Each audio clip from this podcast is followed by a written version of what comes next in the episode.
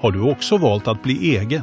Då är det viktigt att skaffa en bra företagsförsäkring. Hos oss är alla småföretag stora och inga frågor för små. Swedeas företagsförsäkring är anpassad för mindre företag och täcker även sånt som din hemförsäkring inte täcker. Gå in på swedea.se företag och jämför själv.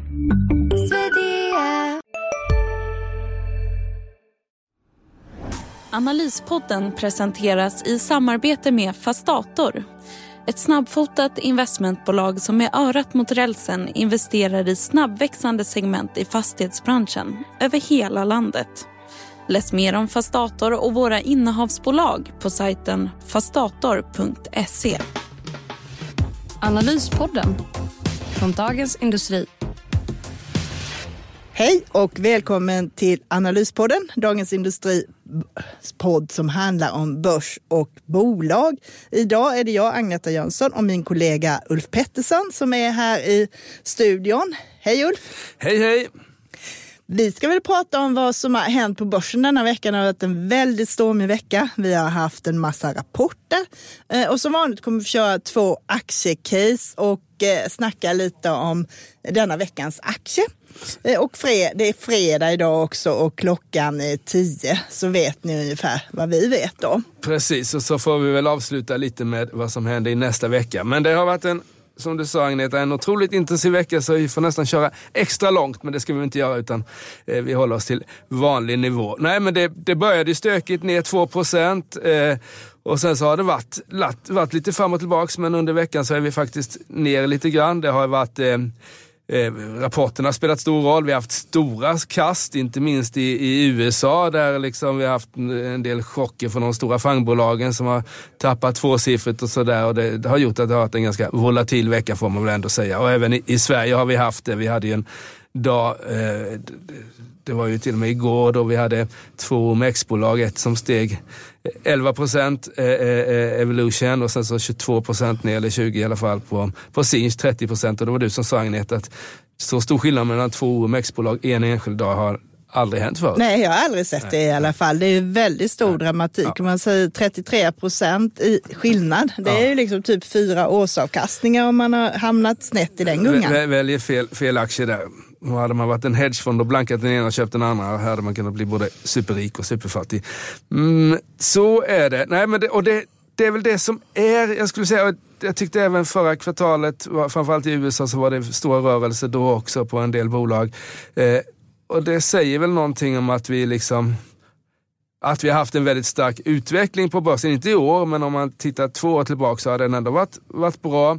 Eh, eh, och att, att eh, eh, det, är liksom, det finns mycket skilda åsikter kan man väl säga om, om, om vart världen är på väg och bolagsvinsterna är på väg och då blir det, då blir det liksom lite rörigt. Jo, och den stora lärdomen av det här, det får vi väl säga med SINS, det är ju det här att när eh, tillväxtbolag som är högt värderade gör marknaden besviken, då blir det otroligt brutalt för då har du liksom ingenting som tar emot. Nej, och det, och det, det stora där är ju inte, alltså tittar man på, på eh, på Sinch så var det ändå liksom en tillväxt på 2% så det var inte så att de liksom, det var inte ett resultatras utan det är ju hela den här P tal kontraktionen och det gör ju så mycket. Vi kommer att prata lite mer om, om Getinge här sen också. Men, men tar vi då eh, Sinch så eh, blir det, är det P100 som är superhögt och sen så ska, kanske det ska ner till 40 så är det en nedgång på 60 procent. Och det är väl det som vi har sett i Netflix exempelvis. Ja, och jag menar du ser det Avanza som jag följer, där hade du lite samma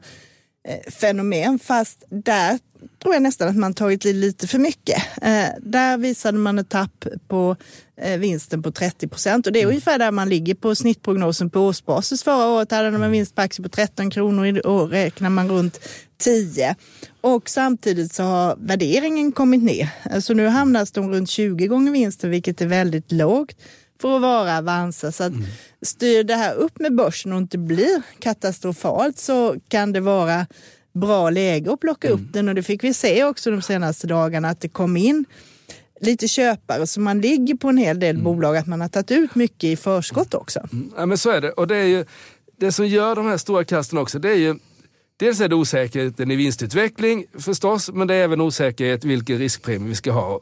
Och, ska den, liksom, och den beror ju, riskpremien beror ju på, på eh, räntan och, och ska säga, eh, det, det avkastningskrav man ska ha på aktier i förhållande till ränta. Och det, det där blir ganska mycket när vi har pressat ner eh, avkastningskravet här under räntenedgången. Och så ska det upp här och det är en jätteskillnad om man prickar in liksom 5, 6 eller 7 procent i, i, liksom en, en nuvärdeskalkyl i bolagen. Och har man dessutom ganska stora variationer vad det gäller vinstutveckling kommande två åren eller sådär, då, då kan man få liksom, då ser det nästan ut som Riksbankens olika räntescenarier. Det, det spretar väldigt mycket eh, några, några år bort där.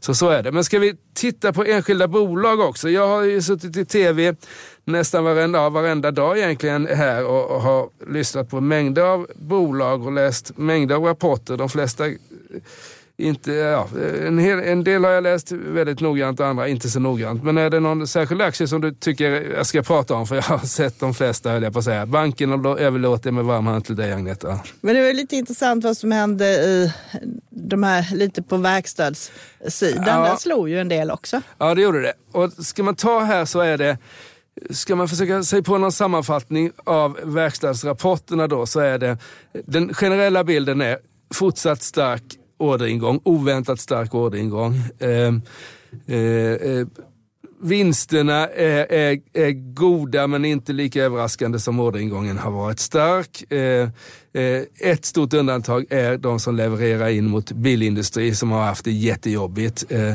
men alla andra bolag har lyckats kompensera för de här ökade kostnaderna så rörelsemarginalerna har hållit uppe riktigt bra. Det har varit rejäla vinstlyft. Eh, och det är ju det man liksom nu får ta med sig här det är att varför har inte då fordonsindustrin klarat, de som har levererat till fordonsindustrin klarat sig lika bra som de andra. Dels, det beror ju på två faktorer skulle jag säga. Dels så är efterfrågan på bilar varit mycket, mycket lägre. Eller liksom, marknaden är, för, för liksom slut, slutmarknaden har varit neråt och då är det jobbigare att höja priserna genom hela leden. Plus att just bilfabrikanterna alltid är liksom jobbiga att förhandla med. De är så mycket starkare än sina, sina leverantörer. Så det, då blir det liksom inte lätt att komma med ökade priser om man inte har en väldigt nischad produkt. För det finns ju faktiskt under Atlas Copco exempelvis levererar ändå en del till, till bilbolag och lyckas ha bra marginaler på det där.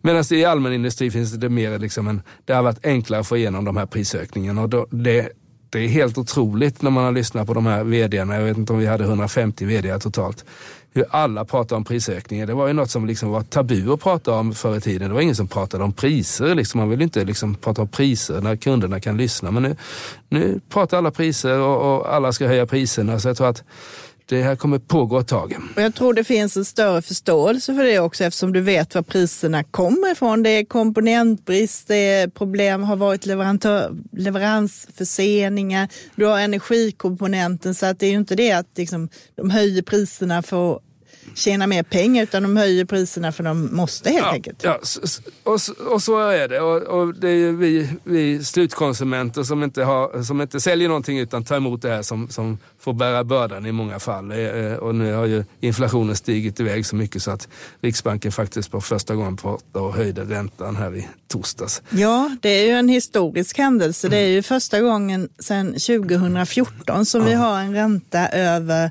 noll. Ja, det, det, det är faktiskt, jag förstår att vi skrev en hel del om det i tidningen här i, i fredagens tidning. Men om man tittar, om jag ska prata lite mer verkstad så kan väl, vad var det som stack ut då? Jag tycker att SKFs rapport var, eh, SKF har man alltid varit eh, extra, lite extra rädd för i, i svaga tider då, för de brukar så att säga inte kunna hålla uppe sin marginal så li, lika stark som, som de andra bolagen, de här, ska vi säga, A-bolagen, Alfa Laval och Atlas Copco och, och kanske ABB också. Men, men SKF, deras industridel ökade marginalerna till 16,5 procent, vilket är god branschstandard. Sen har de det lite jobbigare då i, i fordonsdelen, men Rickard Gustafsson som är vd sedan ett litet tag tillbaka på SKF verkade inte alls vilja sälja den, utan han såg, på, såg möjligheter även framöver där. Så det var, den steg faktiskt, var upp en 4-5 procent på rapporten, men sen så tappade den lite grann. Men det, jag tycker att det där var, jag tror inte jag tror inte det blir ett SI-tilläge i SKF. SCT, eh, hygienbolaget, steg i 15-16 procent på sin rapport. Men, men att om SKF kommer med en likadan rapport eh, för Q2 så kan vi få en uppvärdering av SKF som ändå är klart lägre värderat än, än många andra verkstadsbolag. Ja, men det är det ju. Särskilt mot Atlas Copco som man brukar jämföra är det ju en stor skillnad om du tittar på hur vinsterna det, värderas. Det, det är du, du, dubbla P-talet på Atlas och då har ändå Atlas kommit ner en del. Det är inte, alltså där hade vi också det här vi började prata om P-tals expansion och kontraktion. Vi fick ju en, eh, tar vi Atlas då som hade en fantastisk utveckling eh, eh här senaste året. Men då blev det P 35, 37, 38 och det kanske är lite i bästa laget för ett bolag som är så pass stort ändå. Eh, och nu har den kommit ner till 2022 och då, det gör ju en 30-40 procent på börskursen, precis som de har fallit från toppen. Ja, och där kollegan Mikael Wilén som tittade på de här tycker ju att eh, man kan börja plocka upp dem nu för det är trots allt kvalitetsbolag som kanske har kommit ner lite väl mycket. Ja, och det, det, det, tycker jag också. Om man tror på en hyfsad konjunktur vill säga. Men de har ju, orderingången i Atlas var 30 procent så att, så att nästa kvartal kommer, kommer liksom vara ett riktigt bra kvartal också. Det tror jag, även om de inte sa att det skulle öka under Q2 så, så är det ju liksom ändå med den orderingång som man har med sig in i, i vår och sommar här så bör ju i alla fall inte liksom nedgången i, i resultat komma redan nästa kvartal. Sen har jag haft en massa rapporter också ja, du har, veckan. du har haft fullt upp. Det var alla storbankerna, de svenska och sen så lite utländska också. Och sen så eh, intron på det här på fredag Så dra, ska vi börja med bankerna? De, de är ändå liksom helt färska rapporter från allihopa. Vad är dina vad är dina bullet points som det heter? Precis, det vi såg, de som kom först ut på onsdagen det var ju SEB och Handelsbanken. Bägge två de hade väldigt starka räntonetto. De var fem procentenheter över eh, snittprognoserna vad det gäller tillväxten. Så SEB växte räntenettot med 12 procent hos Handelsbanken 8 och det är väldigt kraftiga mm. eh, tal. Eh, det vi såg där var ökade volymer men också lite bättre marginaler.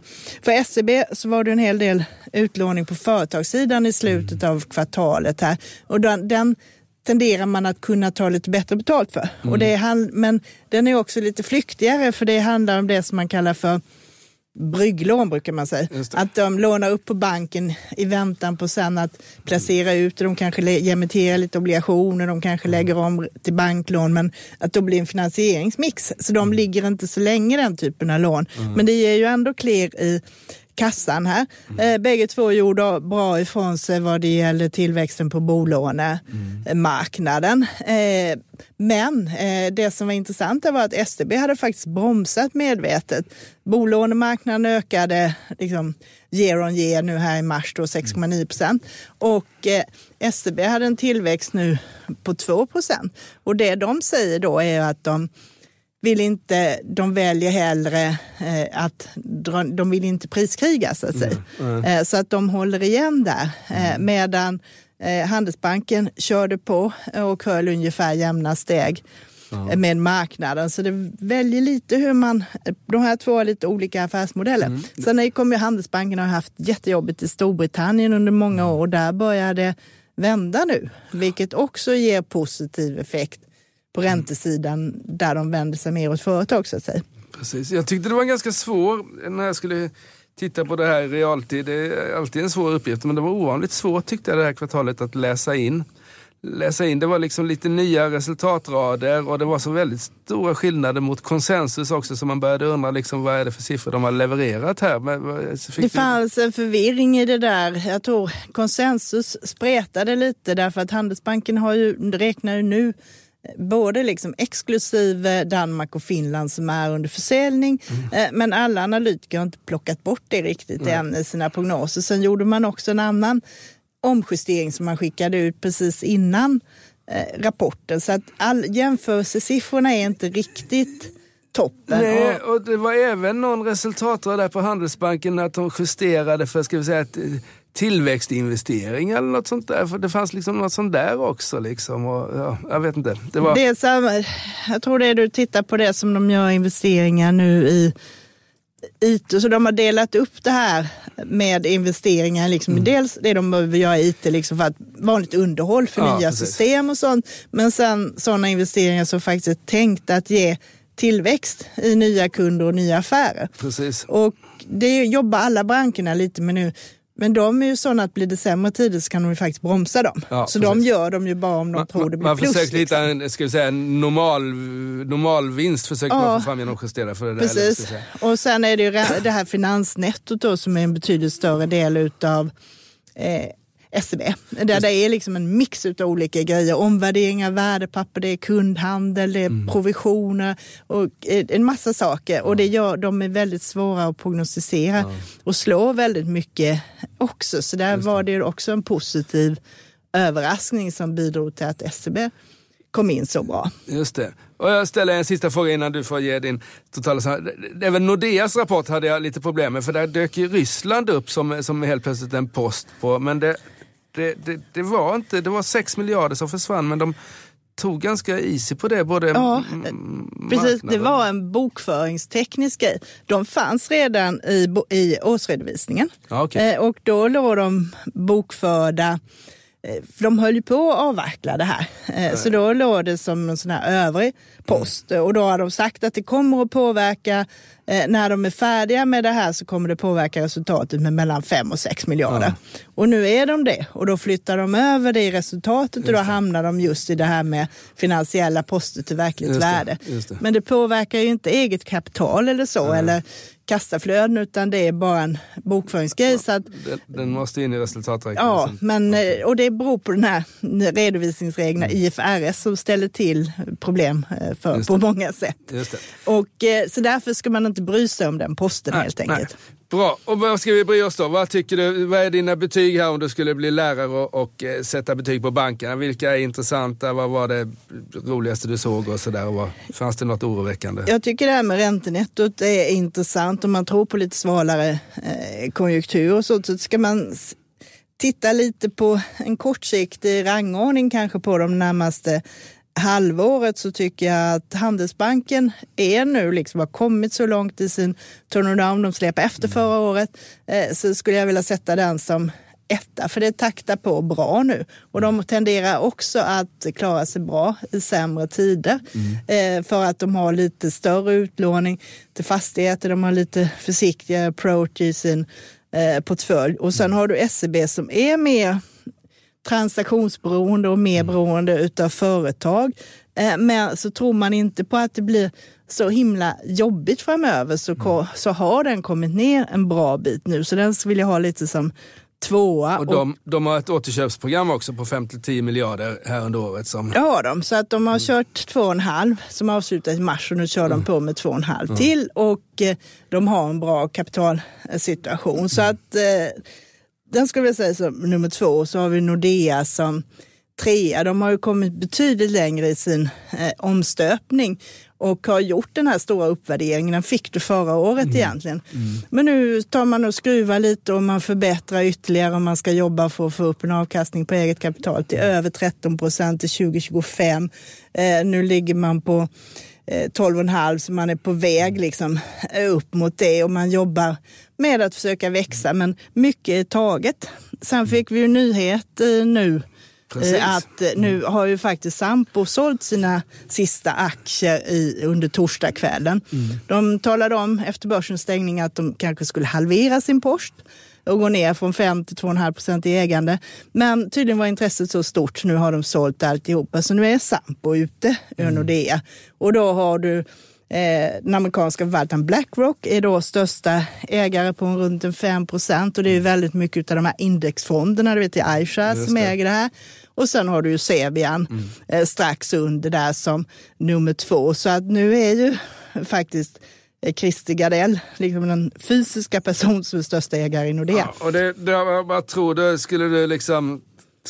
Kommer det innebära något eller eh, kommer han s- sitta still? Kommer Han, också eh, sälja, kommer väl behålla dem så länge som han tycker att det finns en potential. Och som han pratar om det så tycker han att när du- Nordea är lite lågt värderad med den intjäningen de har Mm. med ett P tal på runt 10. Han jämför lite med sakförsäkring som är betydligt högre värderade.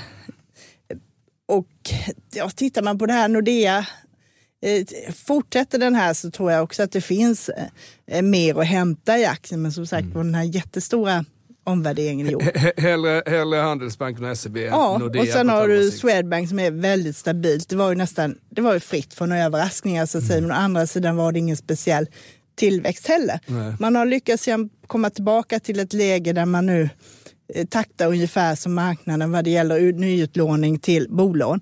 De är precis som Handelsbanken störst i Sverige. På det Handelsbanken har 22 procent och Swedbank 23 procent utav den totala eh, utlåningen. Så de sitter ju på halva marknaden. Så det är viktigt att man håller i det där. Eh, Och sedan har de då ungefär 20 procent av sin verksamhet i Baltikum. Och där påverkas de ju negativt utav att där har du ECB som sätter räntan. Så där är ju fortfarande minus 0,5 när banken sätter in pengar hos centralbanken, vilket kostar dem mycket. Så att det kommer att bli bättre med de mekanismer vi ser nu tror jag på räntesidan. Mm. Var det något bekymmer med Rysslandskriget och eh, Baltikums närhet till Ryssland där eller det har ändå rullat på liksom? Eh, man kan tänka sig att affärerna där tar skada av, av, av Rysslandskriget. Men De har inte- väldigt låg direkt exponering. Jag tror det var 10 miljoner kronor motsvarande i direkt låneexponering. Däremot är det ju företag som sagt som kanske har, gör gränsöverskridande affärer och så som dämpar men ingenting direkt. Nej, nej. Men där har du fortfarande det här också med vad amerikanska myndigheter säger och du har fortfarande mm, om det blir böter från USA och hur det här hanteras. Så det tynger faktiskt Swedbank lite också vad det gäller värderingen. Och där har vi ju det, för det är ju också en av, av morgonens nyheter i Danske Bank att de ställde in utdelning. Var det inte så? Började flagga för att de har liksom inlett en process med amerikanska myndigheter? Eller vad är det som händer där? Och det går... Hej, Ulf Kristersson här. På många sätt är det en mörk tid vi lever i. Men nu tar vi ett stort steg för att göra Sverige till en tryggare och säkrare plats. Sverige är nu medlem i Nato. En för alla, alla för en.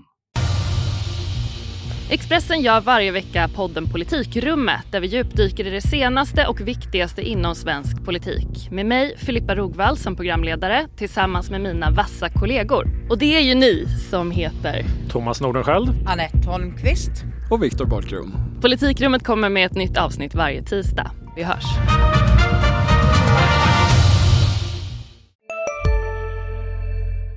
Har det någon bäring på Swedbank som du ser det? Det, det kom ju igår, talade Danske Bank om, de kom med rapport idag på morgonen, men på torsdag eftermiddagen gick de ut med ett pressmeddelande. Där de sa att de nu då har inlett eh, då förhandlingar med amerikanska myndigheter. Och de sa också att det handlar om ett betydande belopp. Och det låter ju inte så trevligt.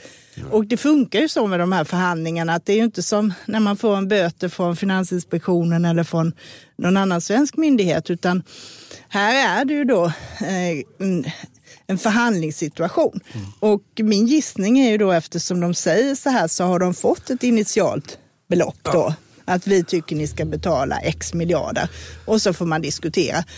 Och jag, om jag inte missminner mig så fick ju Deutsche Bank i samband med den här subprime-krisen i USA fick en stor böter och där lyckades man förhandla ner den till halva beloppet så småningom. Men det är ju ändå mycket, mycket större pengar än vi var vi vana vid.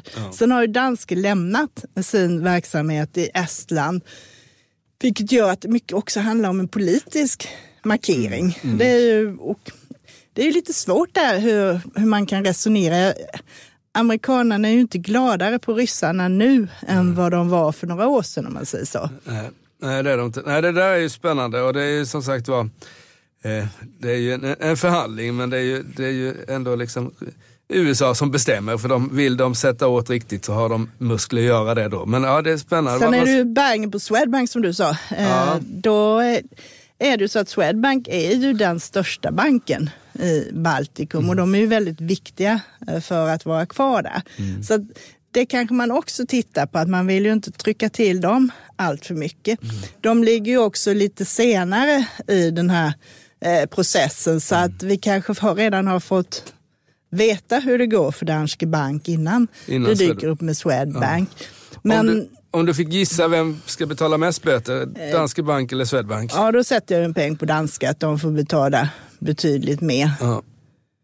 Bra. Så om vi sammanfattar här då. Så, men det generella betyget är ändå väl godkänt får man väl ändå säga på de fyra bankerna? Ja det tycker jag. Så att jag tycker ändå det är bra. Jag är positiv till bankerna. Det är svårt att sätta köp på en och sälj på en för de följs ja. åt i skock för de gynnas ju ändå av den här mekanismen du får, förhoppningsvis får se nu med lite högre räntor och framöver här. Mm. Så att det är ju vilken ansats man tar. Så mm. min ansats i det hela är ändå att få lite lägre utlåningstillväxt än vad vi har haft innan men ändå en positiv och sen successivt högre eh, marginaler så kan då ändå de här gå relativt bättre börsen som helhet. Mm. Så att säga.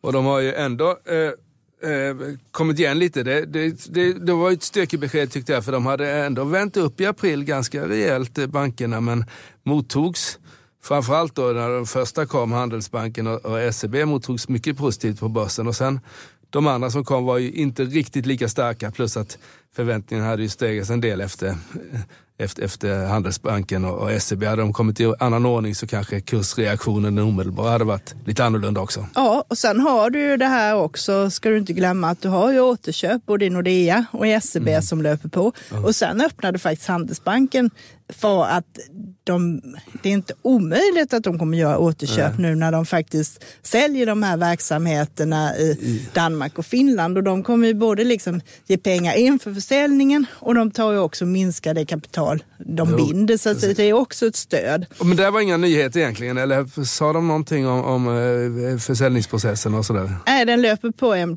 planerat, men ryktet säger att det är ganska snart färdigt med i alla fall med Danmark. Mm. Och det var väl lite nyhet att de öppnade för lite där att de utesluter inte återköp. Nej, man säger. Då, Så det är väl vet, då vet man att det finns någon som vill köpa i alla fall kanske. Analyspodden sponsras idag, liksom förra veckan, av Fastator. Och med oss i studion har vi vd Knut Bosett. Välkommen Knut! Tack så mycket! Ni har haft en väldigt snabb tillväxt i ett dotterbolag, Företagsparken. Hur ser fortsättningen ut? Vi har satt ett mål att om två år ha 20 miljarder i balansräkningen av fastigheter. Idag har vi 4,5 miljarder ungefär, så det är ett eh, hårt tillväxtmål. Vi har inga problem att uppnå det, utan eh, vi jobbar på och förvärvar fastigheter och ökar kassaflödet ordentligt. Segmentet logistikfastigheter och lättindustri verkar få ett ökat intresse. Ni var tidigt in i det segmentet. Har konkurrensen hårdnat? Konkurrensen har absolut hårdnat. Man har fått väldigt fokus på det här området och att tillväxten av fastigheter är inom det här segmentet där vi ser småföretagarnas eh, möjligheter att, ha lokaler, lättindustri och det behovet i stort. Eh, idag finns det en vakansgrad i Sverige på endast 3,5 procent i den här typen av lokaler. Så eh, intresset är stort, men tack vare ett brett kontaktnät så hittar vi mycket affärer. Ni har identifierat två nischer i Point Properties och Företagsparken. Känner ni att ni har satsat på rätt häst genom de här två nischerna? Ja, det känner vi. Det vill säga bostäder och lättindustri och vi ser det också som en väldigt stabil eh, form av investering. Bostäder är alltid bostäder. Det finns fortfarande ett visst underskott på bostäder. Och eh, lättindustri har ju mer Förut var det kanske inte underskott på det, men det har det blivit numera. Och därför känner vi oss rätt så trygga i de nischerna. Tack Knut Posett, VD för Fastator, för att ni är med och sponsrar Analyspodden. Tack detsamma. Ska vi gå över till det här med casen? Det tycker jag. Det tycker jag. Och ska jag börja då eftersom jag har två case? Ja, men gör det. Eh, vi, vad har du i ditt första case? Eh, då tar jag veckans aktier eh, som jag skrev här. Eh, och då skrev jag om eh, logistikföretaget Elanders som, som kom med en jättebra rapport. Eh, upp, eh, och det var i förra veckan det, så den var upp eh, tvåsiffrigt. Och jag satte köp på den efter rapporten. Så, så, så jag fick inte med de 14 procenten. Men jag tror att det finns en uppsida upp till 180 i alla fall. De gynnas av, ja, jag kan prata hur mycket som helst om det här men jag ska inte ta för mycket tid. Men, men nåväl, försäljningen var bra, vinstökningen var rejäl, en optimistisk vd och det som tycker jag är triggern just nu i Elanders, förutom en låg värdering då på P 12 vilket är jättelågt sett i ett PEG-tal då när de växer vinsten betydligt mer än 12 procent i år så blir det liksom PEG-tal på 0,3 eller något sånt där. Det är också att de har gjort ett förvärv i november förra året i USA, första, första rejäla intåget i, i USA för det här logistikbolaget. Och då blir man lite av en helhetsleverantör till, till eh, ja, modeföretag och sånt där som de har som kunder. Det är ju inte liksom ingen speditör, allmän speditör sådär, utan det Elanders gör att de nischar in sig till vissa, vissa kundgrupper. Eh, där eh, framförallt eh, kläder men, men, eh, men även lite annat. De är inne i medicinteknik i en större omfattning och sådär. Och då tar man hand om allting. Man har liksom sömmerskor som syr knappar åt åt exempelvis Boss eller något sånt där. Så de, de, det, är, mer än bara vara en, liksom en ASG-speditör, om ASG nu finns kvar. Det finns det nog inte. Så de har breddat sig i värdekedjan på något Ja, sätt. det har de gjort och framförallt har de liksom helt bytt. De som kan Elanders historik vet ju att de levde gott på att trycka telefonkatalogen eh, under 70 80-talet innan det här med internet uppfanns. Eh, och sen så levde de ganska gott till och med på att göra sådana här bilmanualer. Eh, nästan telefonkataloger. Eh, men det har de kvar faktiskt, men det är en väldigt liten del av verksamheten nu, 15 procent. Och så har man istället gjort ett strategiskt eh, kast här senaste tio åren egentligen. Det, 14 köpte de första logistikbolaget i, i, i, i Asien och sen så har de köpt i Europa och nu då USA. Det är intressant och det är jag tycker det är fascinerande med de här bolagen som lyckas med omställningar och mm. hänga med vad som händer i utvecklingen ja. i samhället. Alla gör inte det. Alla gör inte det. Och det är, liksom, och det är något som man liksom nästan, vi har ju liksom massvis av eh, nyckeltal, när vi, men det är det här företagskulturen som är liksom, ska säga, innovationskraft och företagskultur och förändringsbenägenhet. Eh, det spelar liksom ingen roll vad man är i för bransch. Har man det, är man bäst på det så kommer man lyckas. Bra, det var mitt, men så får du sticka, iväg, sticka emellan med, med ditt, ditt case för veckan här. Ja, mitt case för veckan det är ju Intrum som jag har följt länge. Och det är ju inte som i landet, de har inte bytt verksamhet, men däremot håller de på att förändra och styra upp sin verksamhet mot mer digitalisering och jobba på effektivare sätt och på det sättet öka lönsamheten. Intrum är ju tre delar egentligen. Eh, det är ju det som man kallar för finansiell service, det vill säga att man har kunder som man hjälper att driva in sina fordringar. Det kan vara mm. telebolag, det kan vara elbolag och sådana här grejer. Mm. Eh, så det är att ta hand om betalningspåminnelser och sådana här saker. Mm. Och sedan så har du det som eh, kallas för strategiska marknader. Det är de här marknaderna i Sydeuropa, det är Italien och Spanien och Grekland som då har i många år legat ledat med den här stora skuld Eh, problematiken. Mm. Och där deras banker var riktigt illa ute för några år sedan, vilket gör att de har sålt mycket av sina portföljer med dåliga lån mm. till Intrum. Men de gör också andra saker i de här regionerna. Och där har man sett nu en ordentlig uppryckning på senare tid och det har fortsatt i det här kvartalet. Och så har du tredje delen som kallas för portföljinvesteringar. Det vill säga då att de köper portföljer från bankerna till ett pris då och sedan så driver de in fordringarna som och då förmodligen får in mer pengar än vad de har betalt för det. det. Men hela det här gör att Intrum är svårt att titta på redovisningsmässigt eftersom de här värderas ju upp och ner då beroende på ränteläge och beroende på hur mycket de har betalat i förhållande till intjäning. Och det gör att bokföringsmässiga resultaten varierar ganska kraftigt. Så där var det ju sämre än förväntningarna i den rapporten som kom idag på morgonen.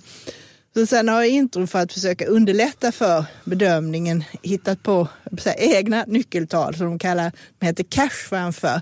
Mm. Vilket då cash, EPS då, vinsten per aktie, men som är baserade på kassaflödet, det vill säga då vad de får in och mm. vad det har för eh, nya investeringar och så ser du vad du får över helt enkelt. Och det är ju det som är det intressanta. Precis. Och där har de nu en tillväxt på 10 procent och det är där de vill ligga eh, på minst 10 procent. De tror att de kommer att nå sina finansiella mål där då tillväxten är en.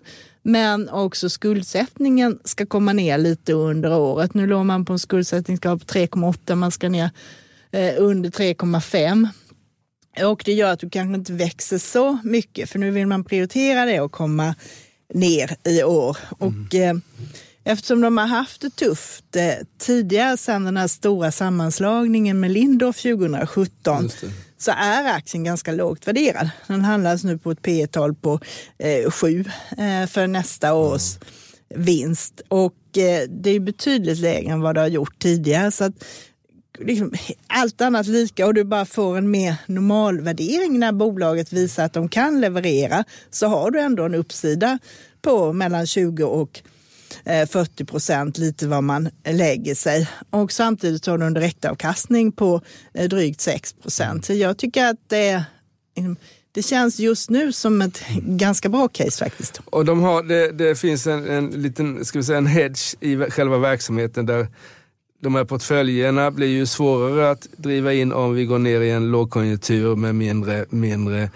mindre pengar hos allmänheten. Å andra sidan så ökar då eh, antalet, eh, ska vi säga, eh, förfallna räkningar i en sån situation också. Då, då ska det liksom jämna ut varandra lite grann. Mycket har ju att göra med arbetslösheten. Får du riktigt så här stor arbetslöshet som de här riktiga kriserna som var i Sydeuropa, men en mer normal lågkonjunktur mm. eh, behöver inte vara negativ. Nej, precis. Bra, då är det mitt andra case och då kör jag Getinge. Eh, jag gör en by the dip här. Eh, Eh, jag har ingen analys ute på Getinge i tidningen eller sådär, men jag tyckte att nedgången på 15 procent på veckans rapport var lite i största laget. Det är eh, största nedgången sedan 2018 då, eh, i november där Getinge skickade ut en release om att de tog skadeståndskostnader, eller tog, tog liksom reserverade för, för, för liksom dåliga produkter på 1,8 miljarder och det var en chock då. Eh, men den här rapporten var alltså, den var ju, jag ska inte säga att den var liksom bra, men den var inte 15 procent ner på en börsdag dålig. Eh, den organiska tillväxten eh, var negativ, marknaden förväntade sig en positiv tillväxt. Eh, men eh, det fanns, fanns förklaringar till det där. De hade haft lite komponentbrist sa han. Eh, eh Mattias Perjos som, som, eh, som är VD på Getinge och framförallt så höll han fast vid sina årsmål då på en tillväxt på 4-6 procent. Eh, och är det bara en förskjutning mellan kvartalen det här så, så ska inte aktien reagera så negativt. Så lite kortsiktig uppgång. Den har faktiskt tappat en del. Den var ju, det var också som vi har pratat om ett par gånger nu redan i sändningen här så var det P-talskontraktion som, som fick ner aktien eh, 35-40 procent från toppen här och när den, den var uppe mot P30 eh, vilket var för högt men nu är det liksom P20 istället efter nedgång på en tredjedel då så, så är den mer attraktiv för de har ändå gjort så pass mycket i bolaget att, att att få ordning på rörelsemarginalerna de senaste två, tre åren. Så jag tycker att det där är en, i alla fall en, en, en stabil aktie att ha i, i portföljen.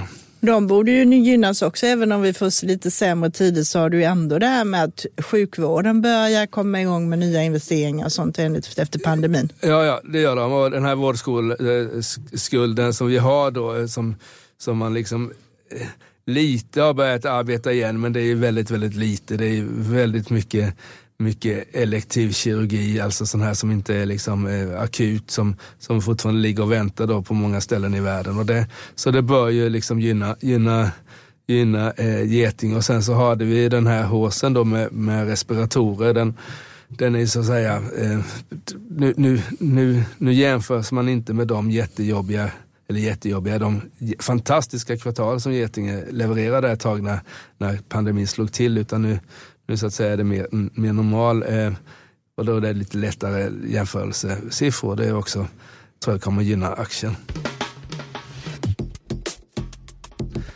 Ska vi titta i nästa vecka innan vi, innan vi låter folk eh, eh göra någonting annat? Det gör vi och idag var väl liksom grand final i stora rapport dagen. Men det fortsätter ju en hel del bolag att trilla in. Eh, det finns ju en del eftersläntare i det här.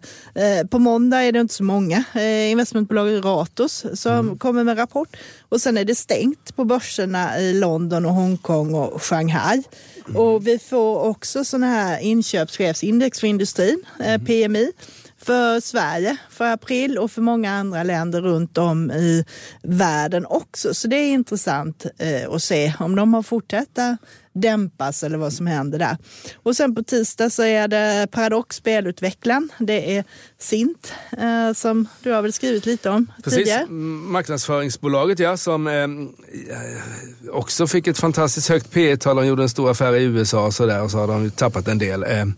Och det är också, det, där tror jag också det är organisk tillväxt som kommer vara avgörande.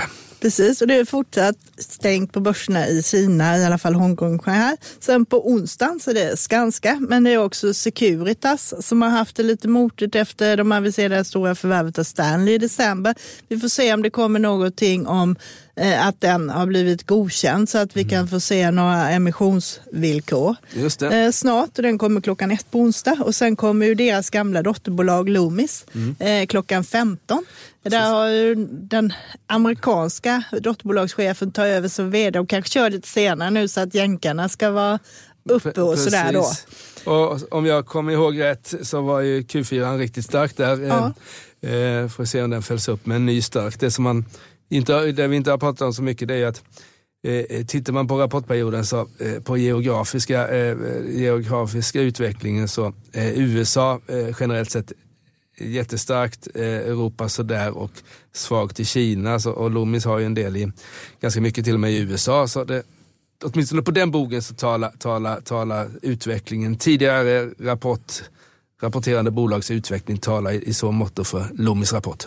Precis, och sedan har du då en stor dag för tjänste PMI, då inköpscheferna i tjänstesektorn Mm. runt om i världen som ska också få säga vad de tror. Och på torsdag så är det Billerud Skog, Korsnäs och det är köksbolaget Nobia. Och sen har du Leo Vegas och ett gäng till. Och sen får vi räntebesked från Norge som ligger före oss i räntehöjningscykeln och även Bank of England kommer att prata ränta. Precis. Det och finns- sen är det grand final på fredag. Då är det True Caller som vår kollega Johan har skrivit om och tycker Precis. det är ett intressant bolag. Han fångade upp dem efter en svag utveckling här, efter ett fantastiskt start på. De har ju kommit med otroligt starka rapporter, mycket starkare än vad som man kunde tro när de väl noterades förra hösten. Men så tappade de lite och då satte Johan Wendel köp på dem vet jag. Ja, och sen har vi också eh, den månadens viktigaste siffra brukar man säga, sysselsättningssiffrorna från USA, vilket Mm. också är sånt som är bäring nu på hur det ser ut med inflationen framöver. inflationen och utvecklingen i USA och vi fick ju eh, överraskande svaga eh, BNP-siffror för Q1 i USA men det var, de var nog eh, eh, de var nog inte riktigt så svaga som minus 1,2 för det var lagerneddragningar och sånt där. Men det är absolut en pusselbit för Jerome Powell och hans kollegor på Fed och vad de ska hitta på på nästa räntemöte som är 56 maj. Väl, Och det var det. Mm. Eh, Ska vi ta och stänga butiken för idag? Tycker jag, tycker jag. Och önskar våra lyssnare en eh, glad valborg. Och sådär. Och så eh, hoppas jag att vi hörs igen nästa fredag då det är en ny podd. Det gör vi. Och eh, till dess kan ni faktiskt lyssna på våra andra eh, poddar. Vi har Makrorådet, vi har Digitalpodden och sen har vi eh, Smarta pengar om privatekonomi. Och sen har du vår podd från ledarredaktionen där det är mycket fokus på politik och sånt som händer i världen. Bra, tack ska ni ha. Tack ska ni ha. Hej då. Analyspodden presenteras i samarbete med Fastator. Ett snabbfotat investmentbolag som med örat mot rälsen investerar i snabbväxande segment i fastighetsbranschen över hela landet. Läs mer om Fastator och våra innehavsbolag på sajten fastator.se. Analyspodden från Dagens Industri.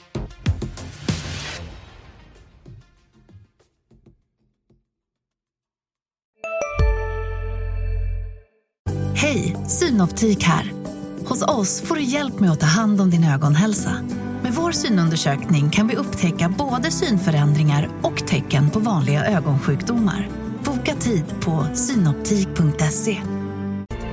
Kurrar det i magen och du behöver få i dig något snabbt? Då har vi en Donken deal för dig.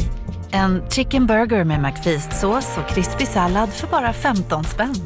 Varmt välkommen till McDonalds.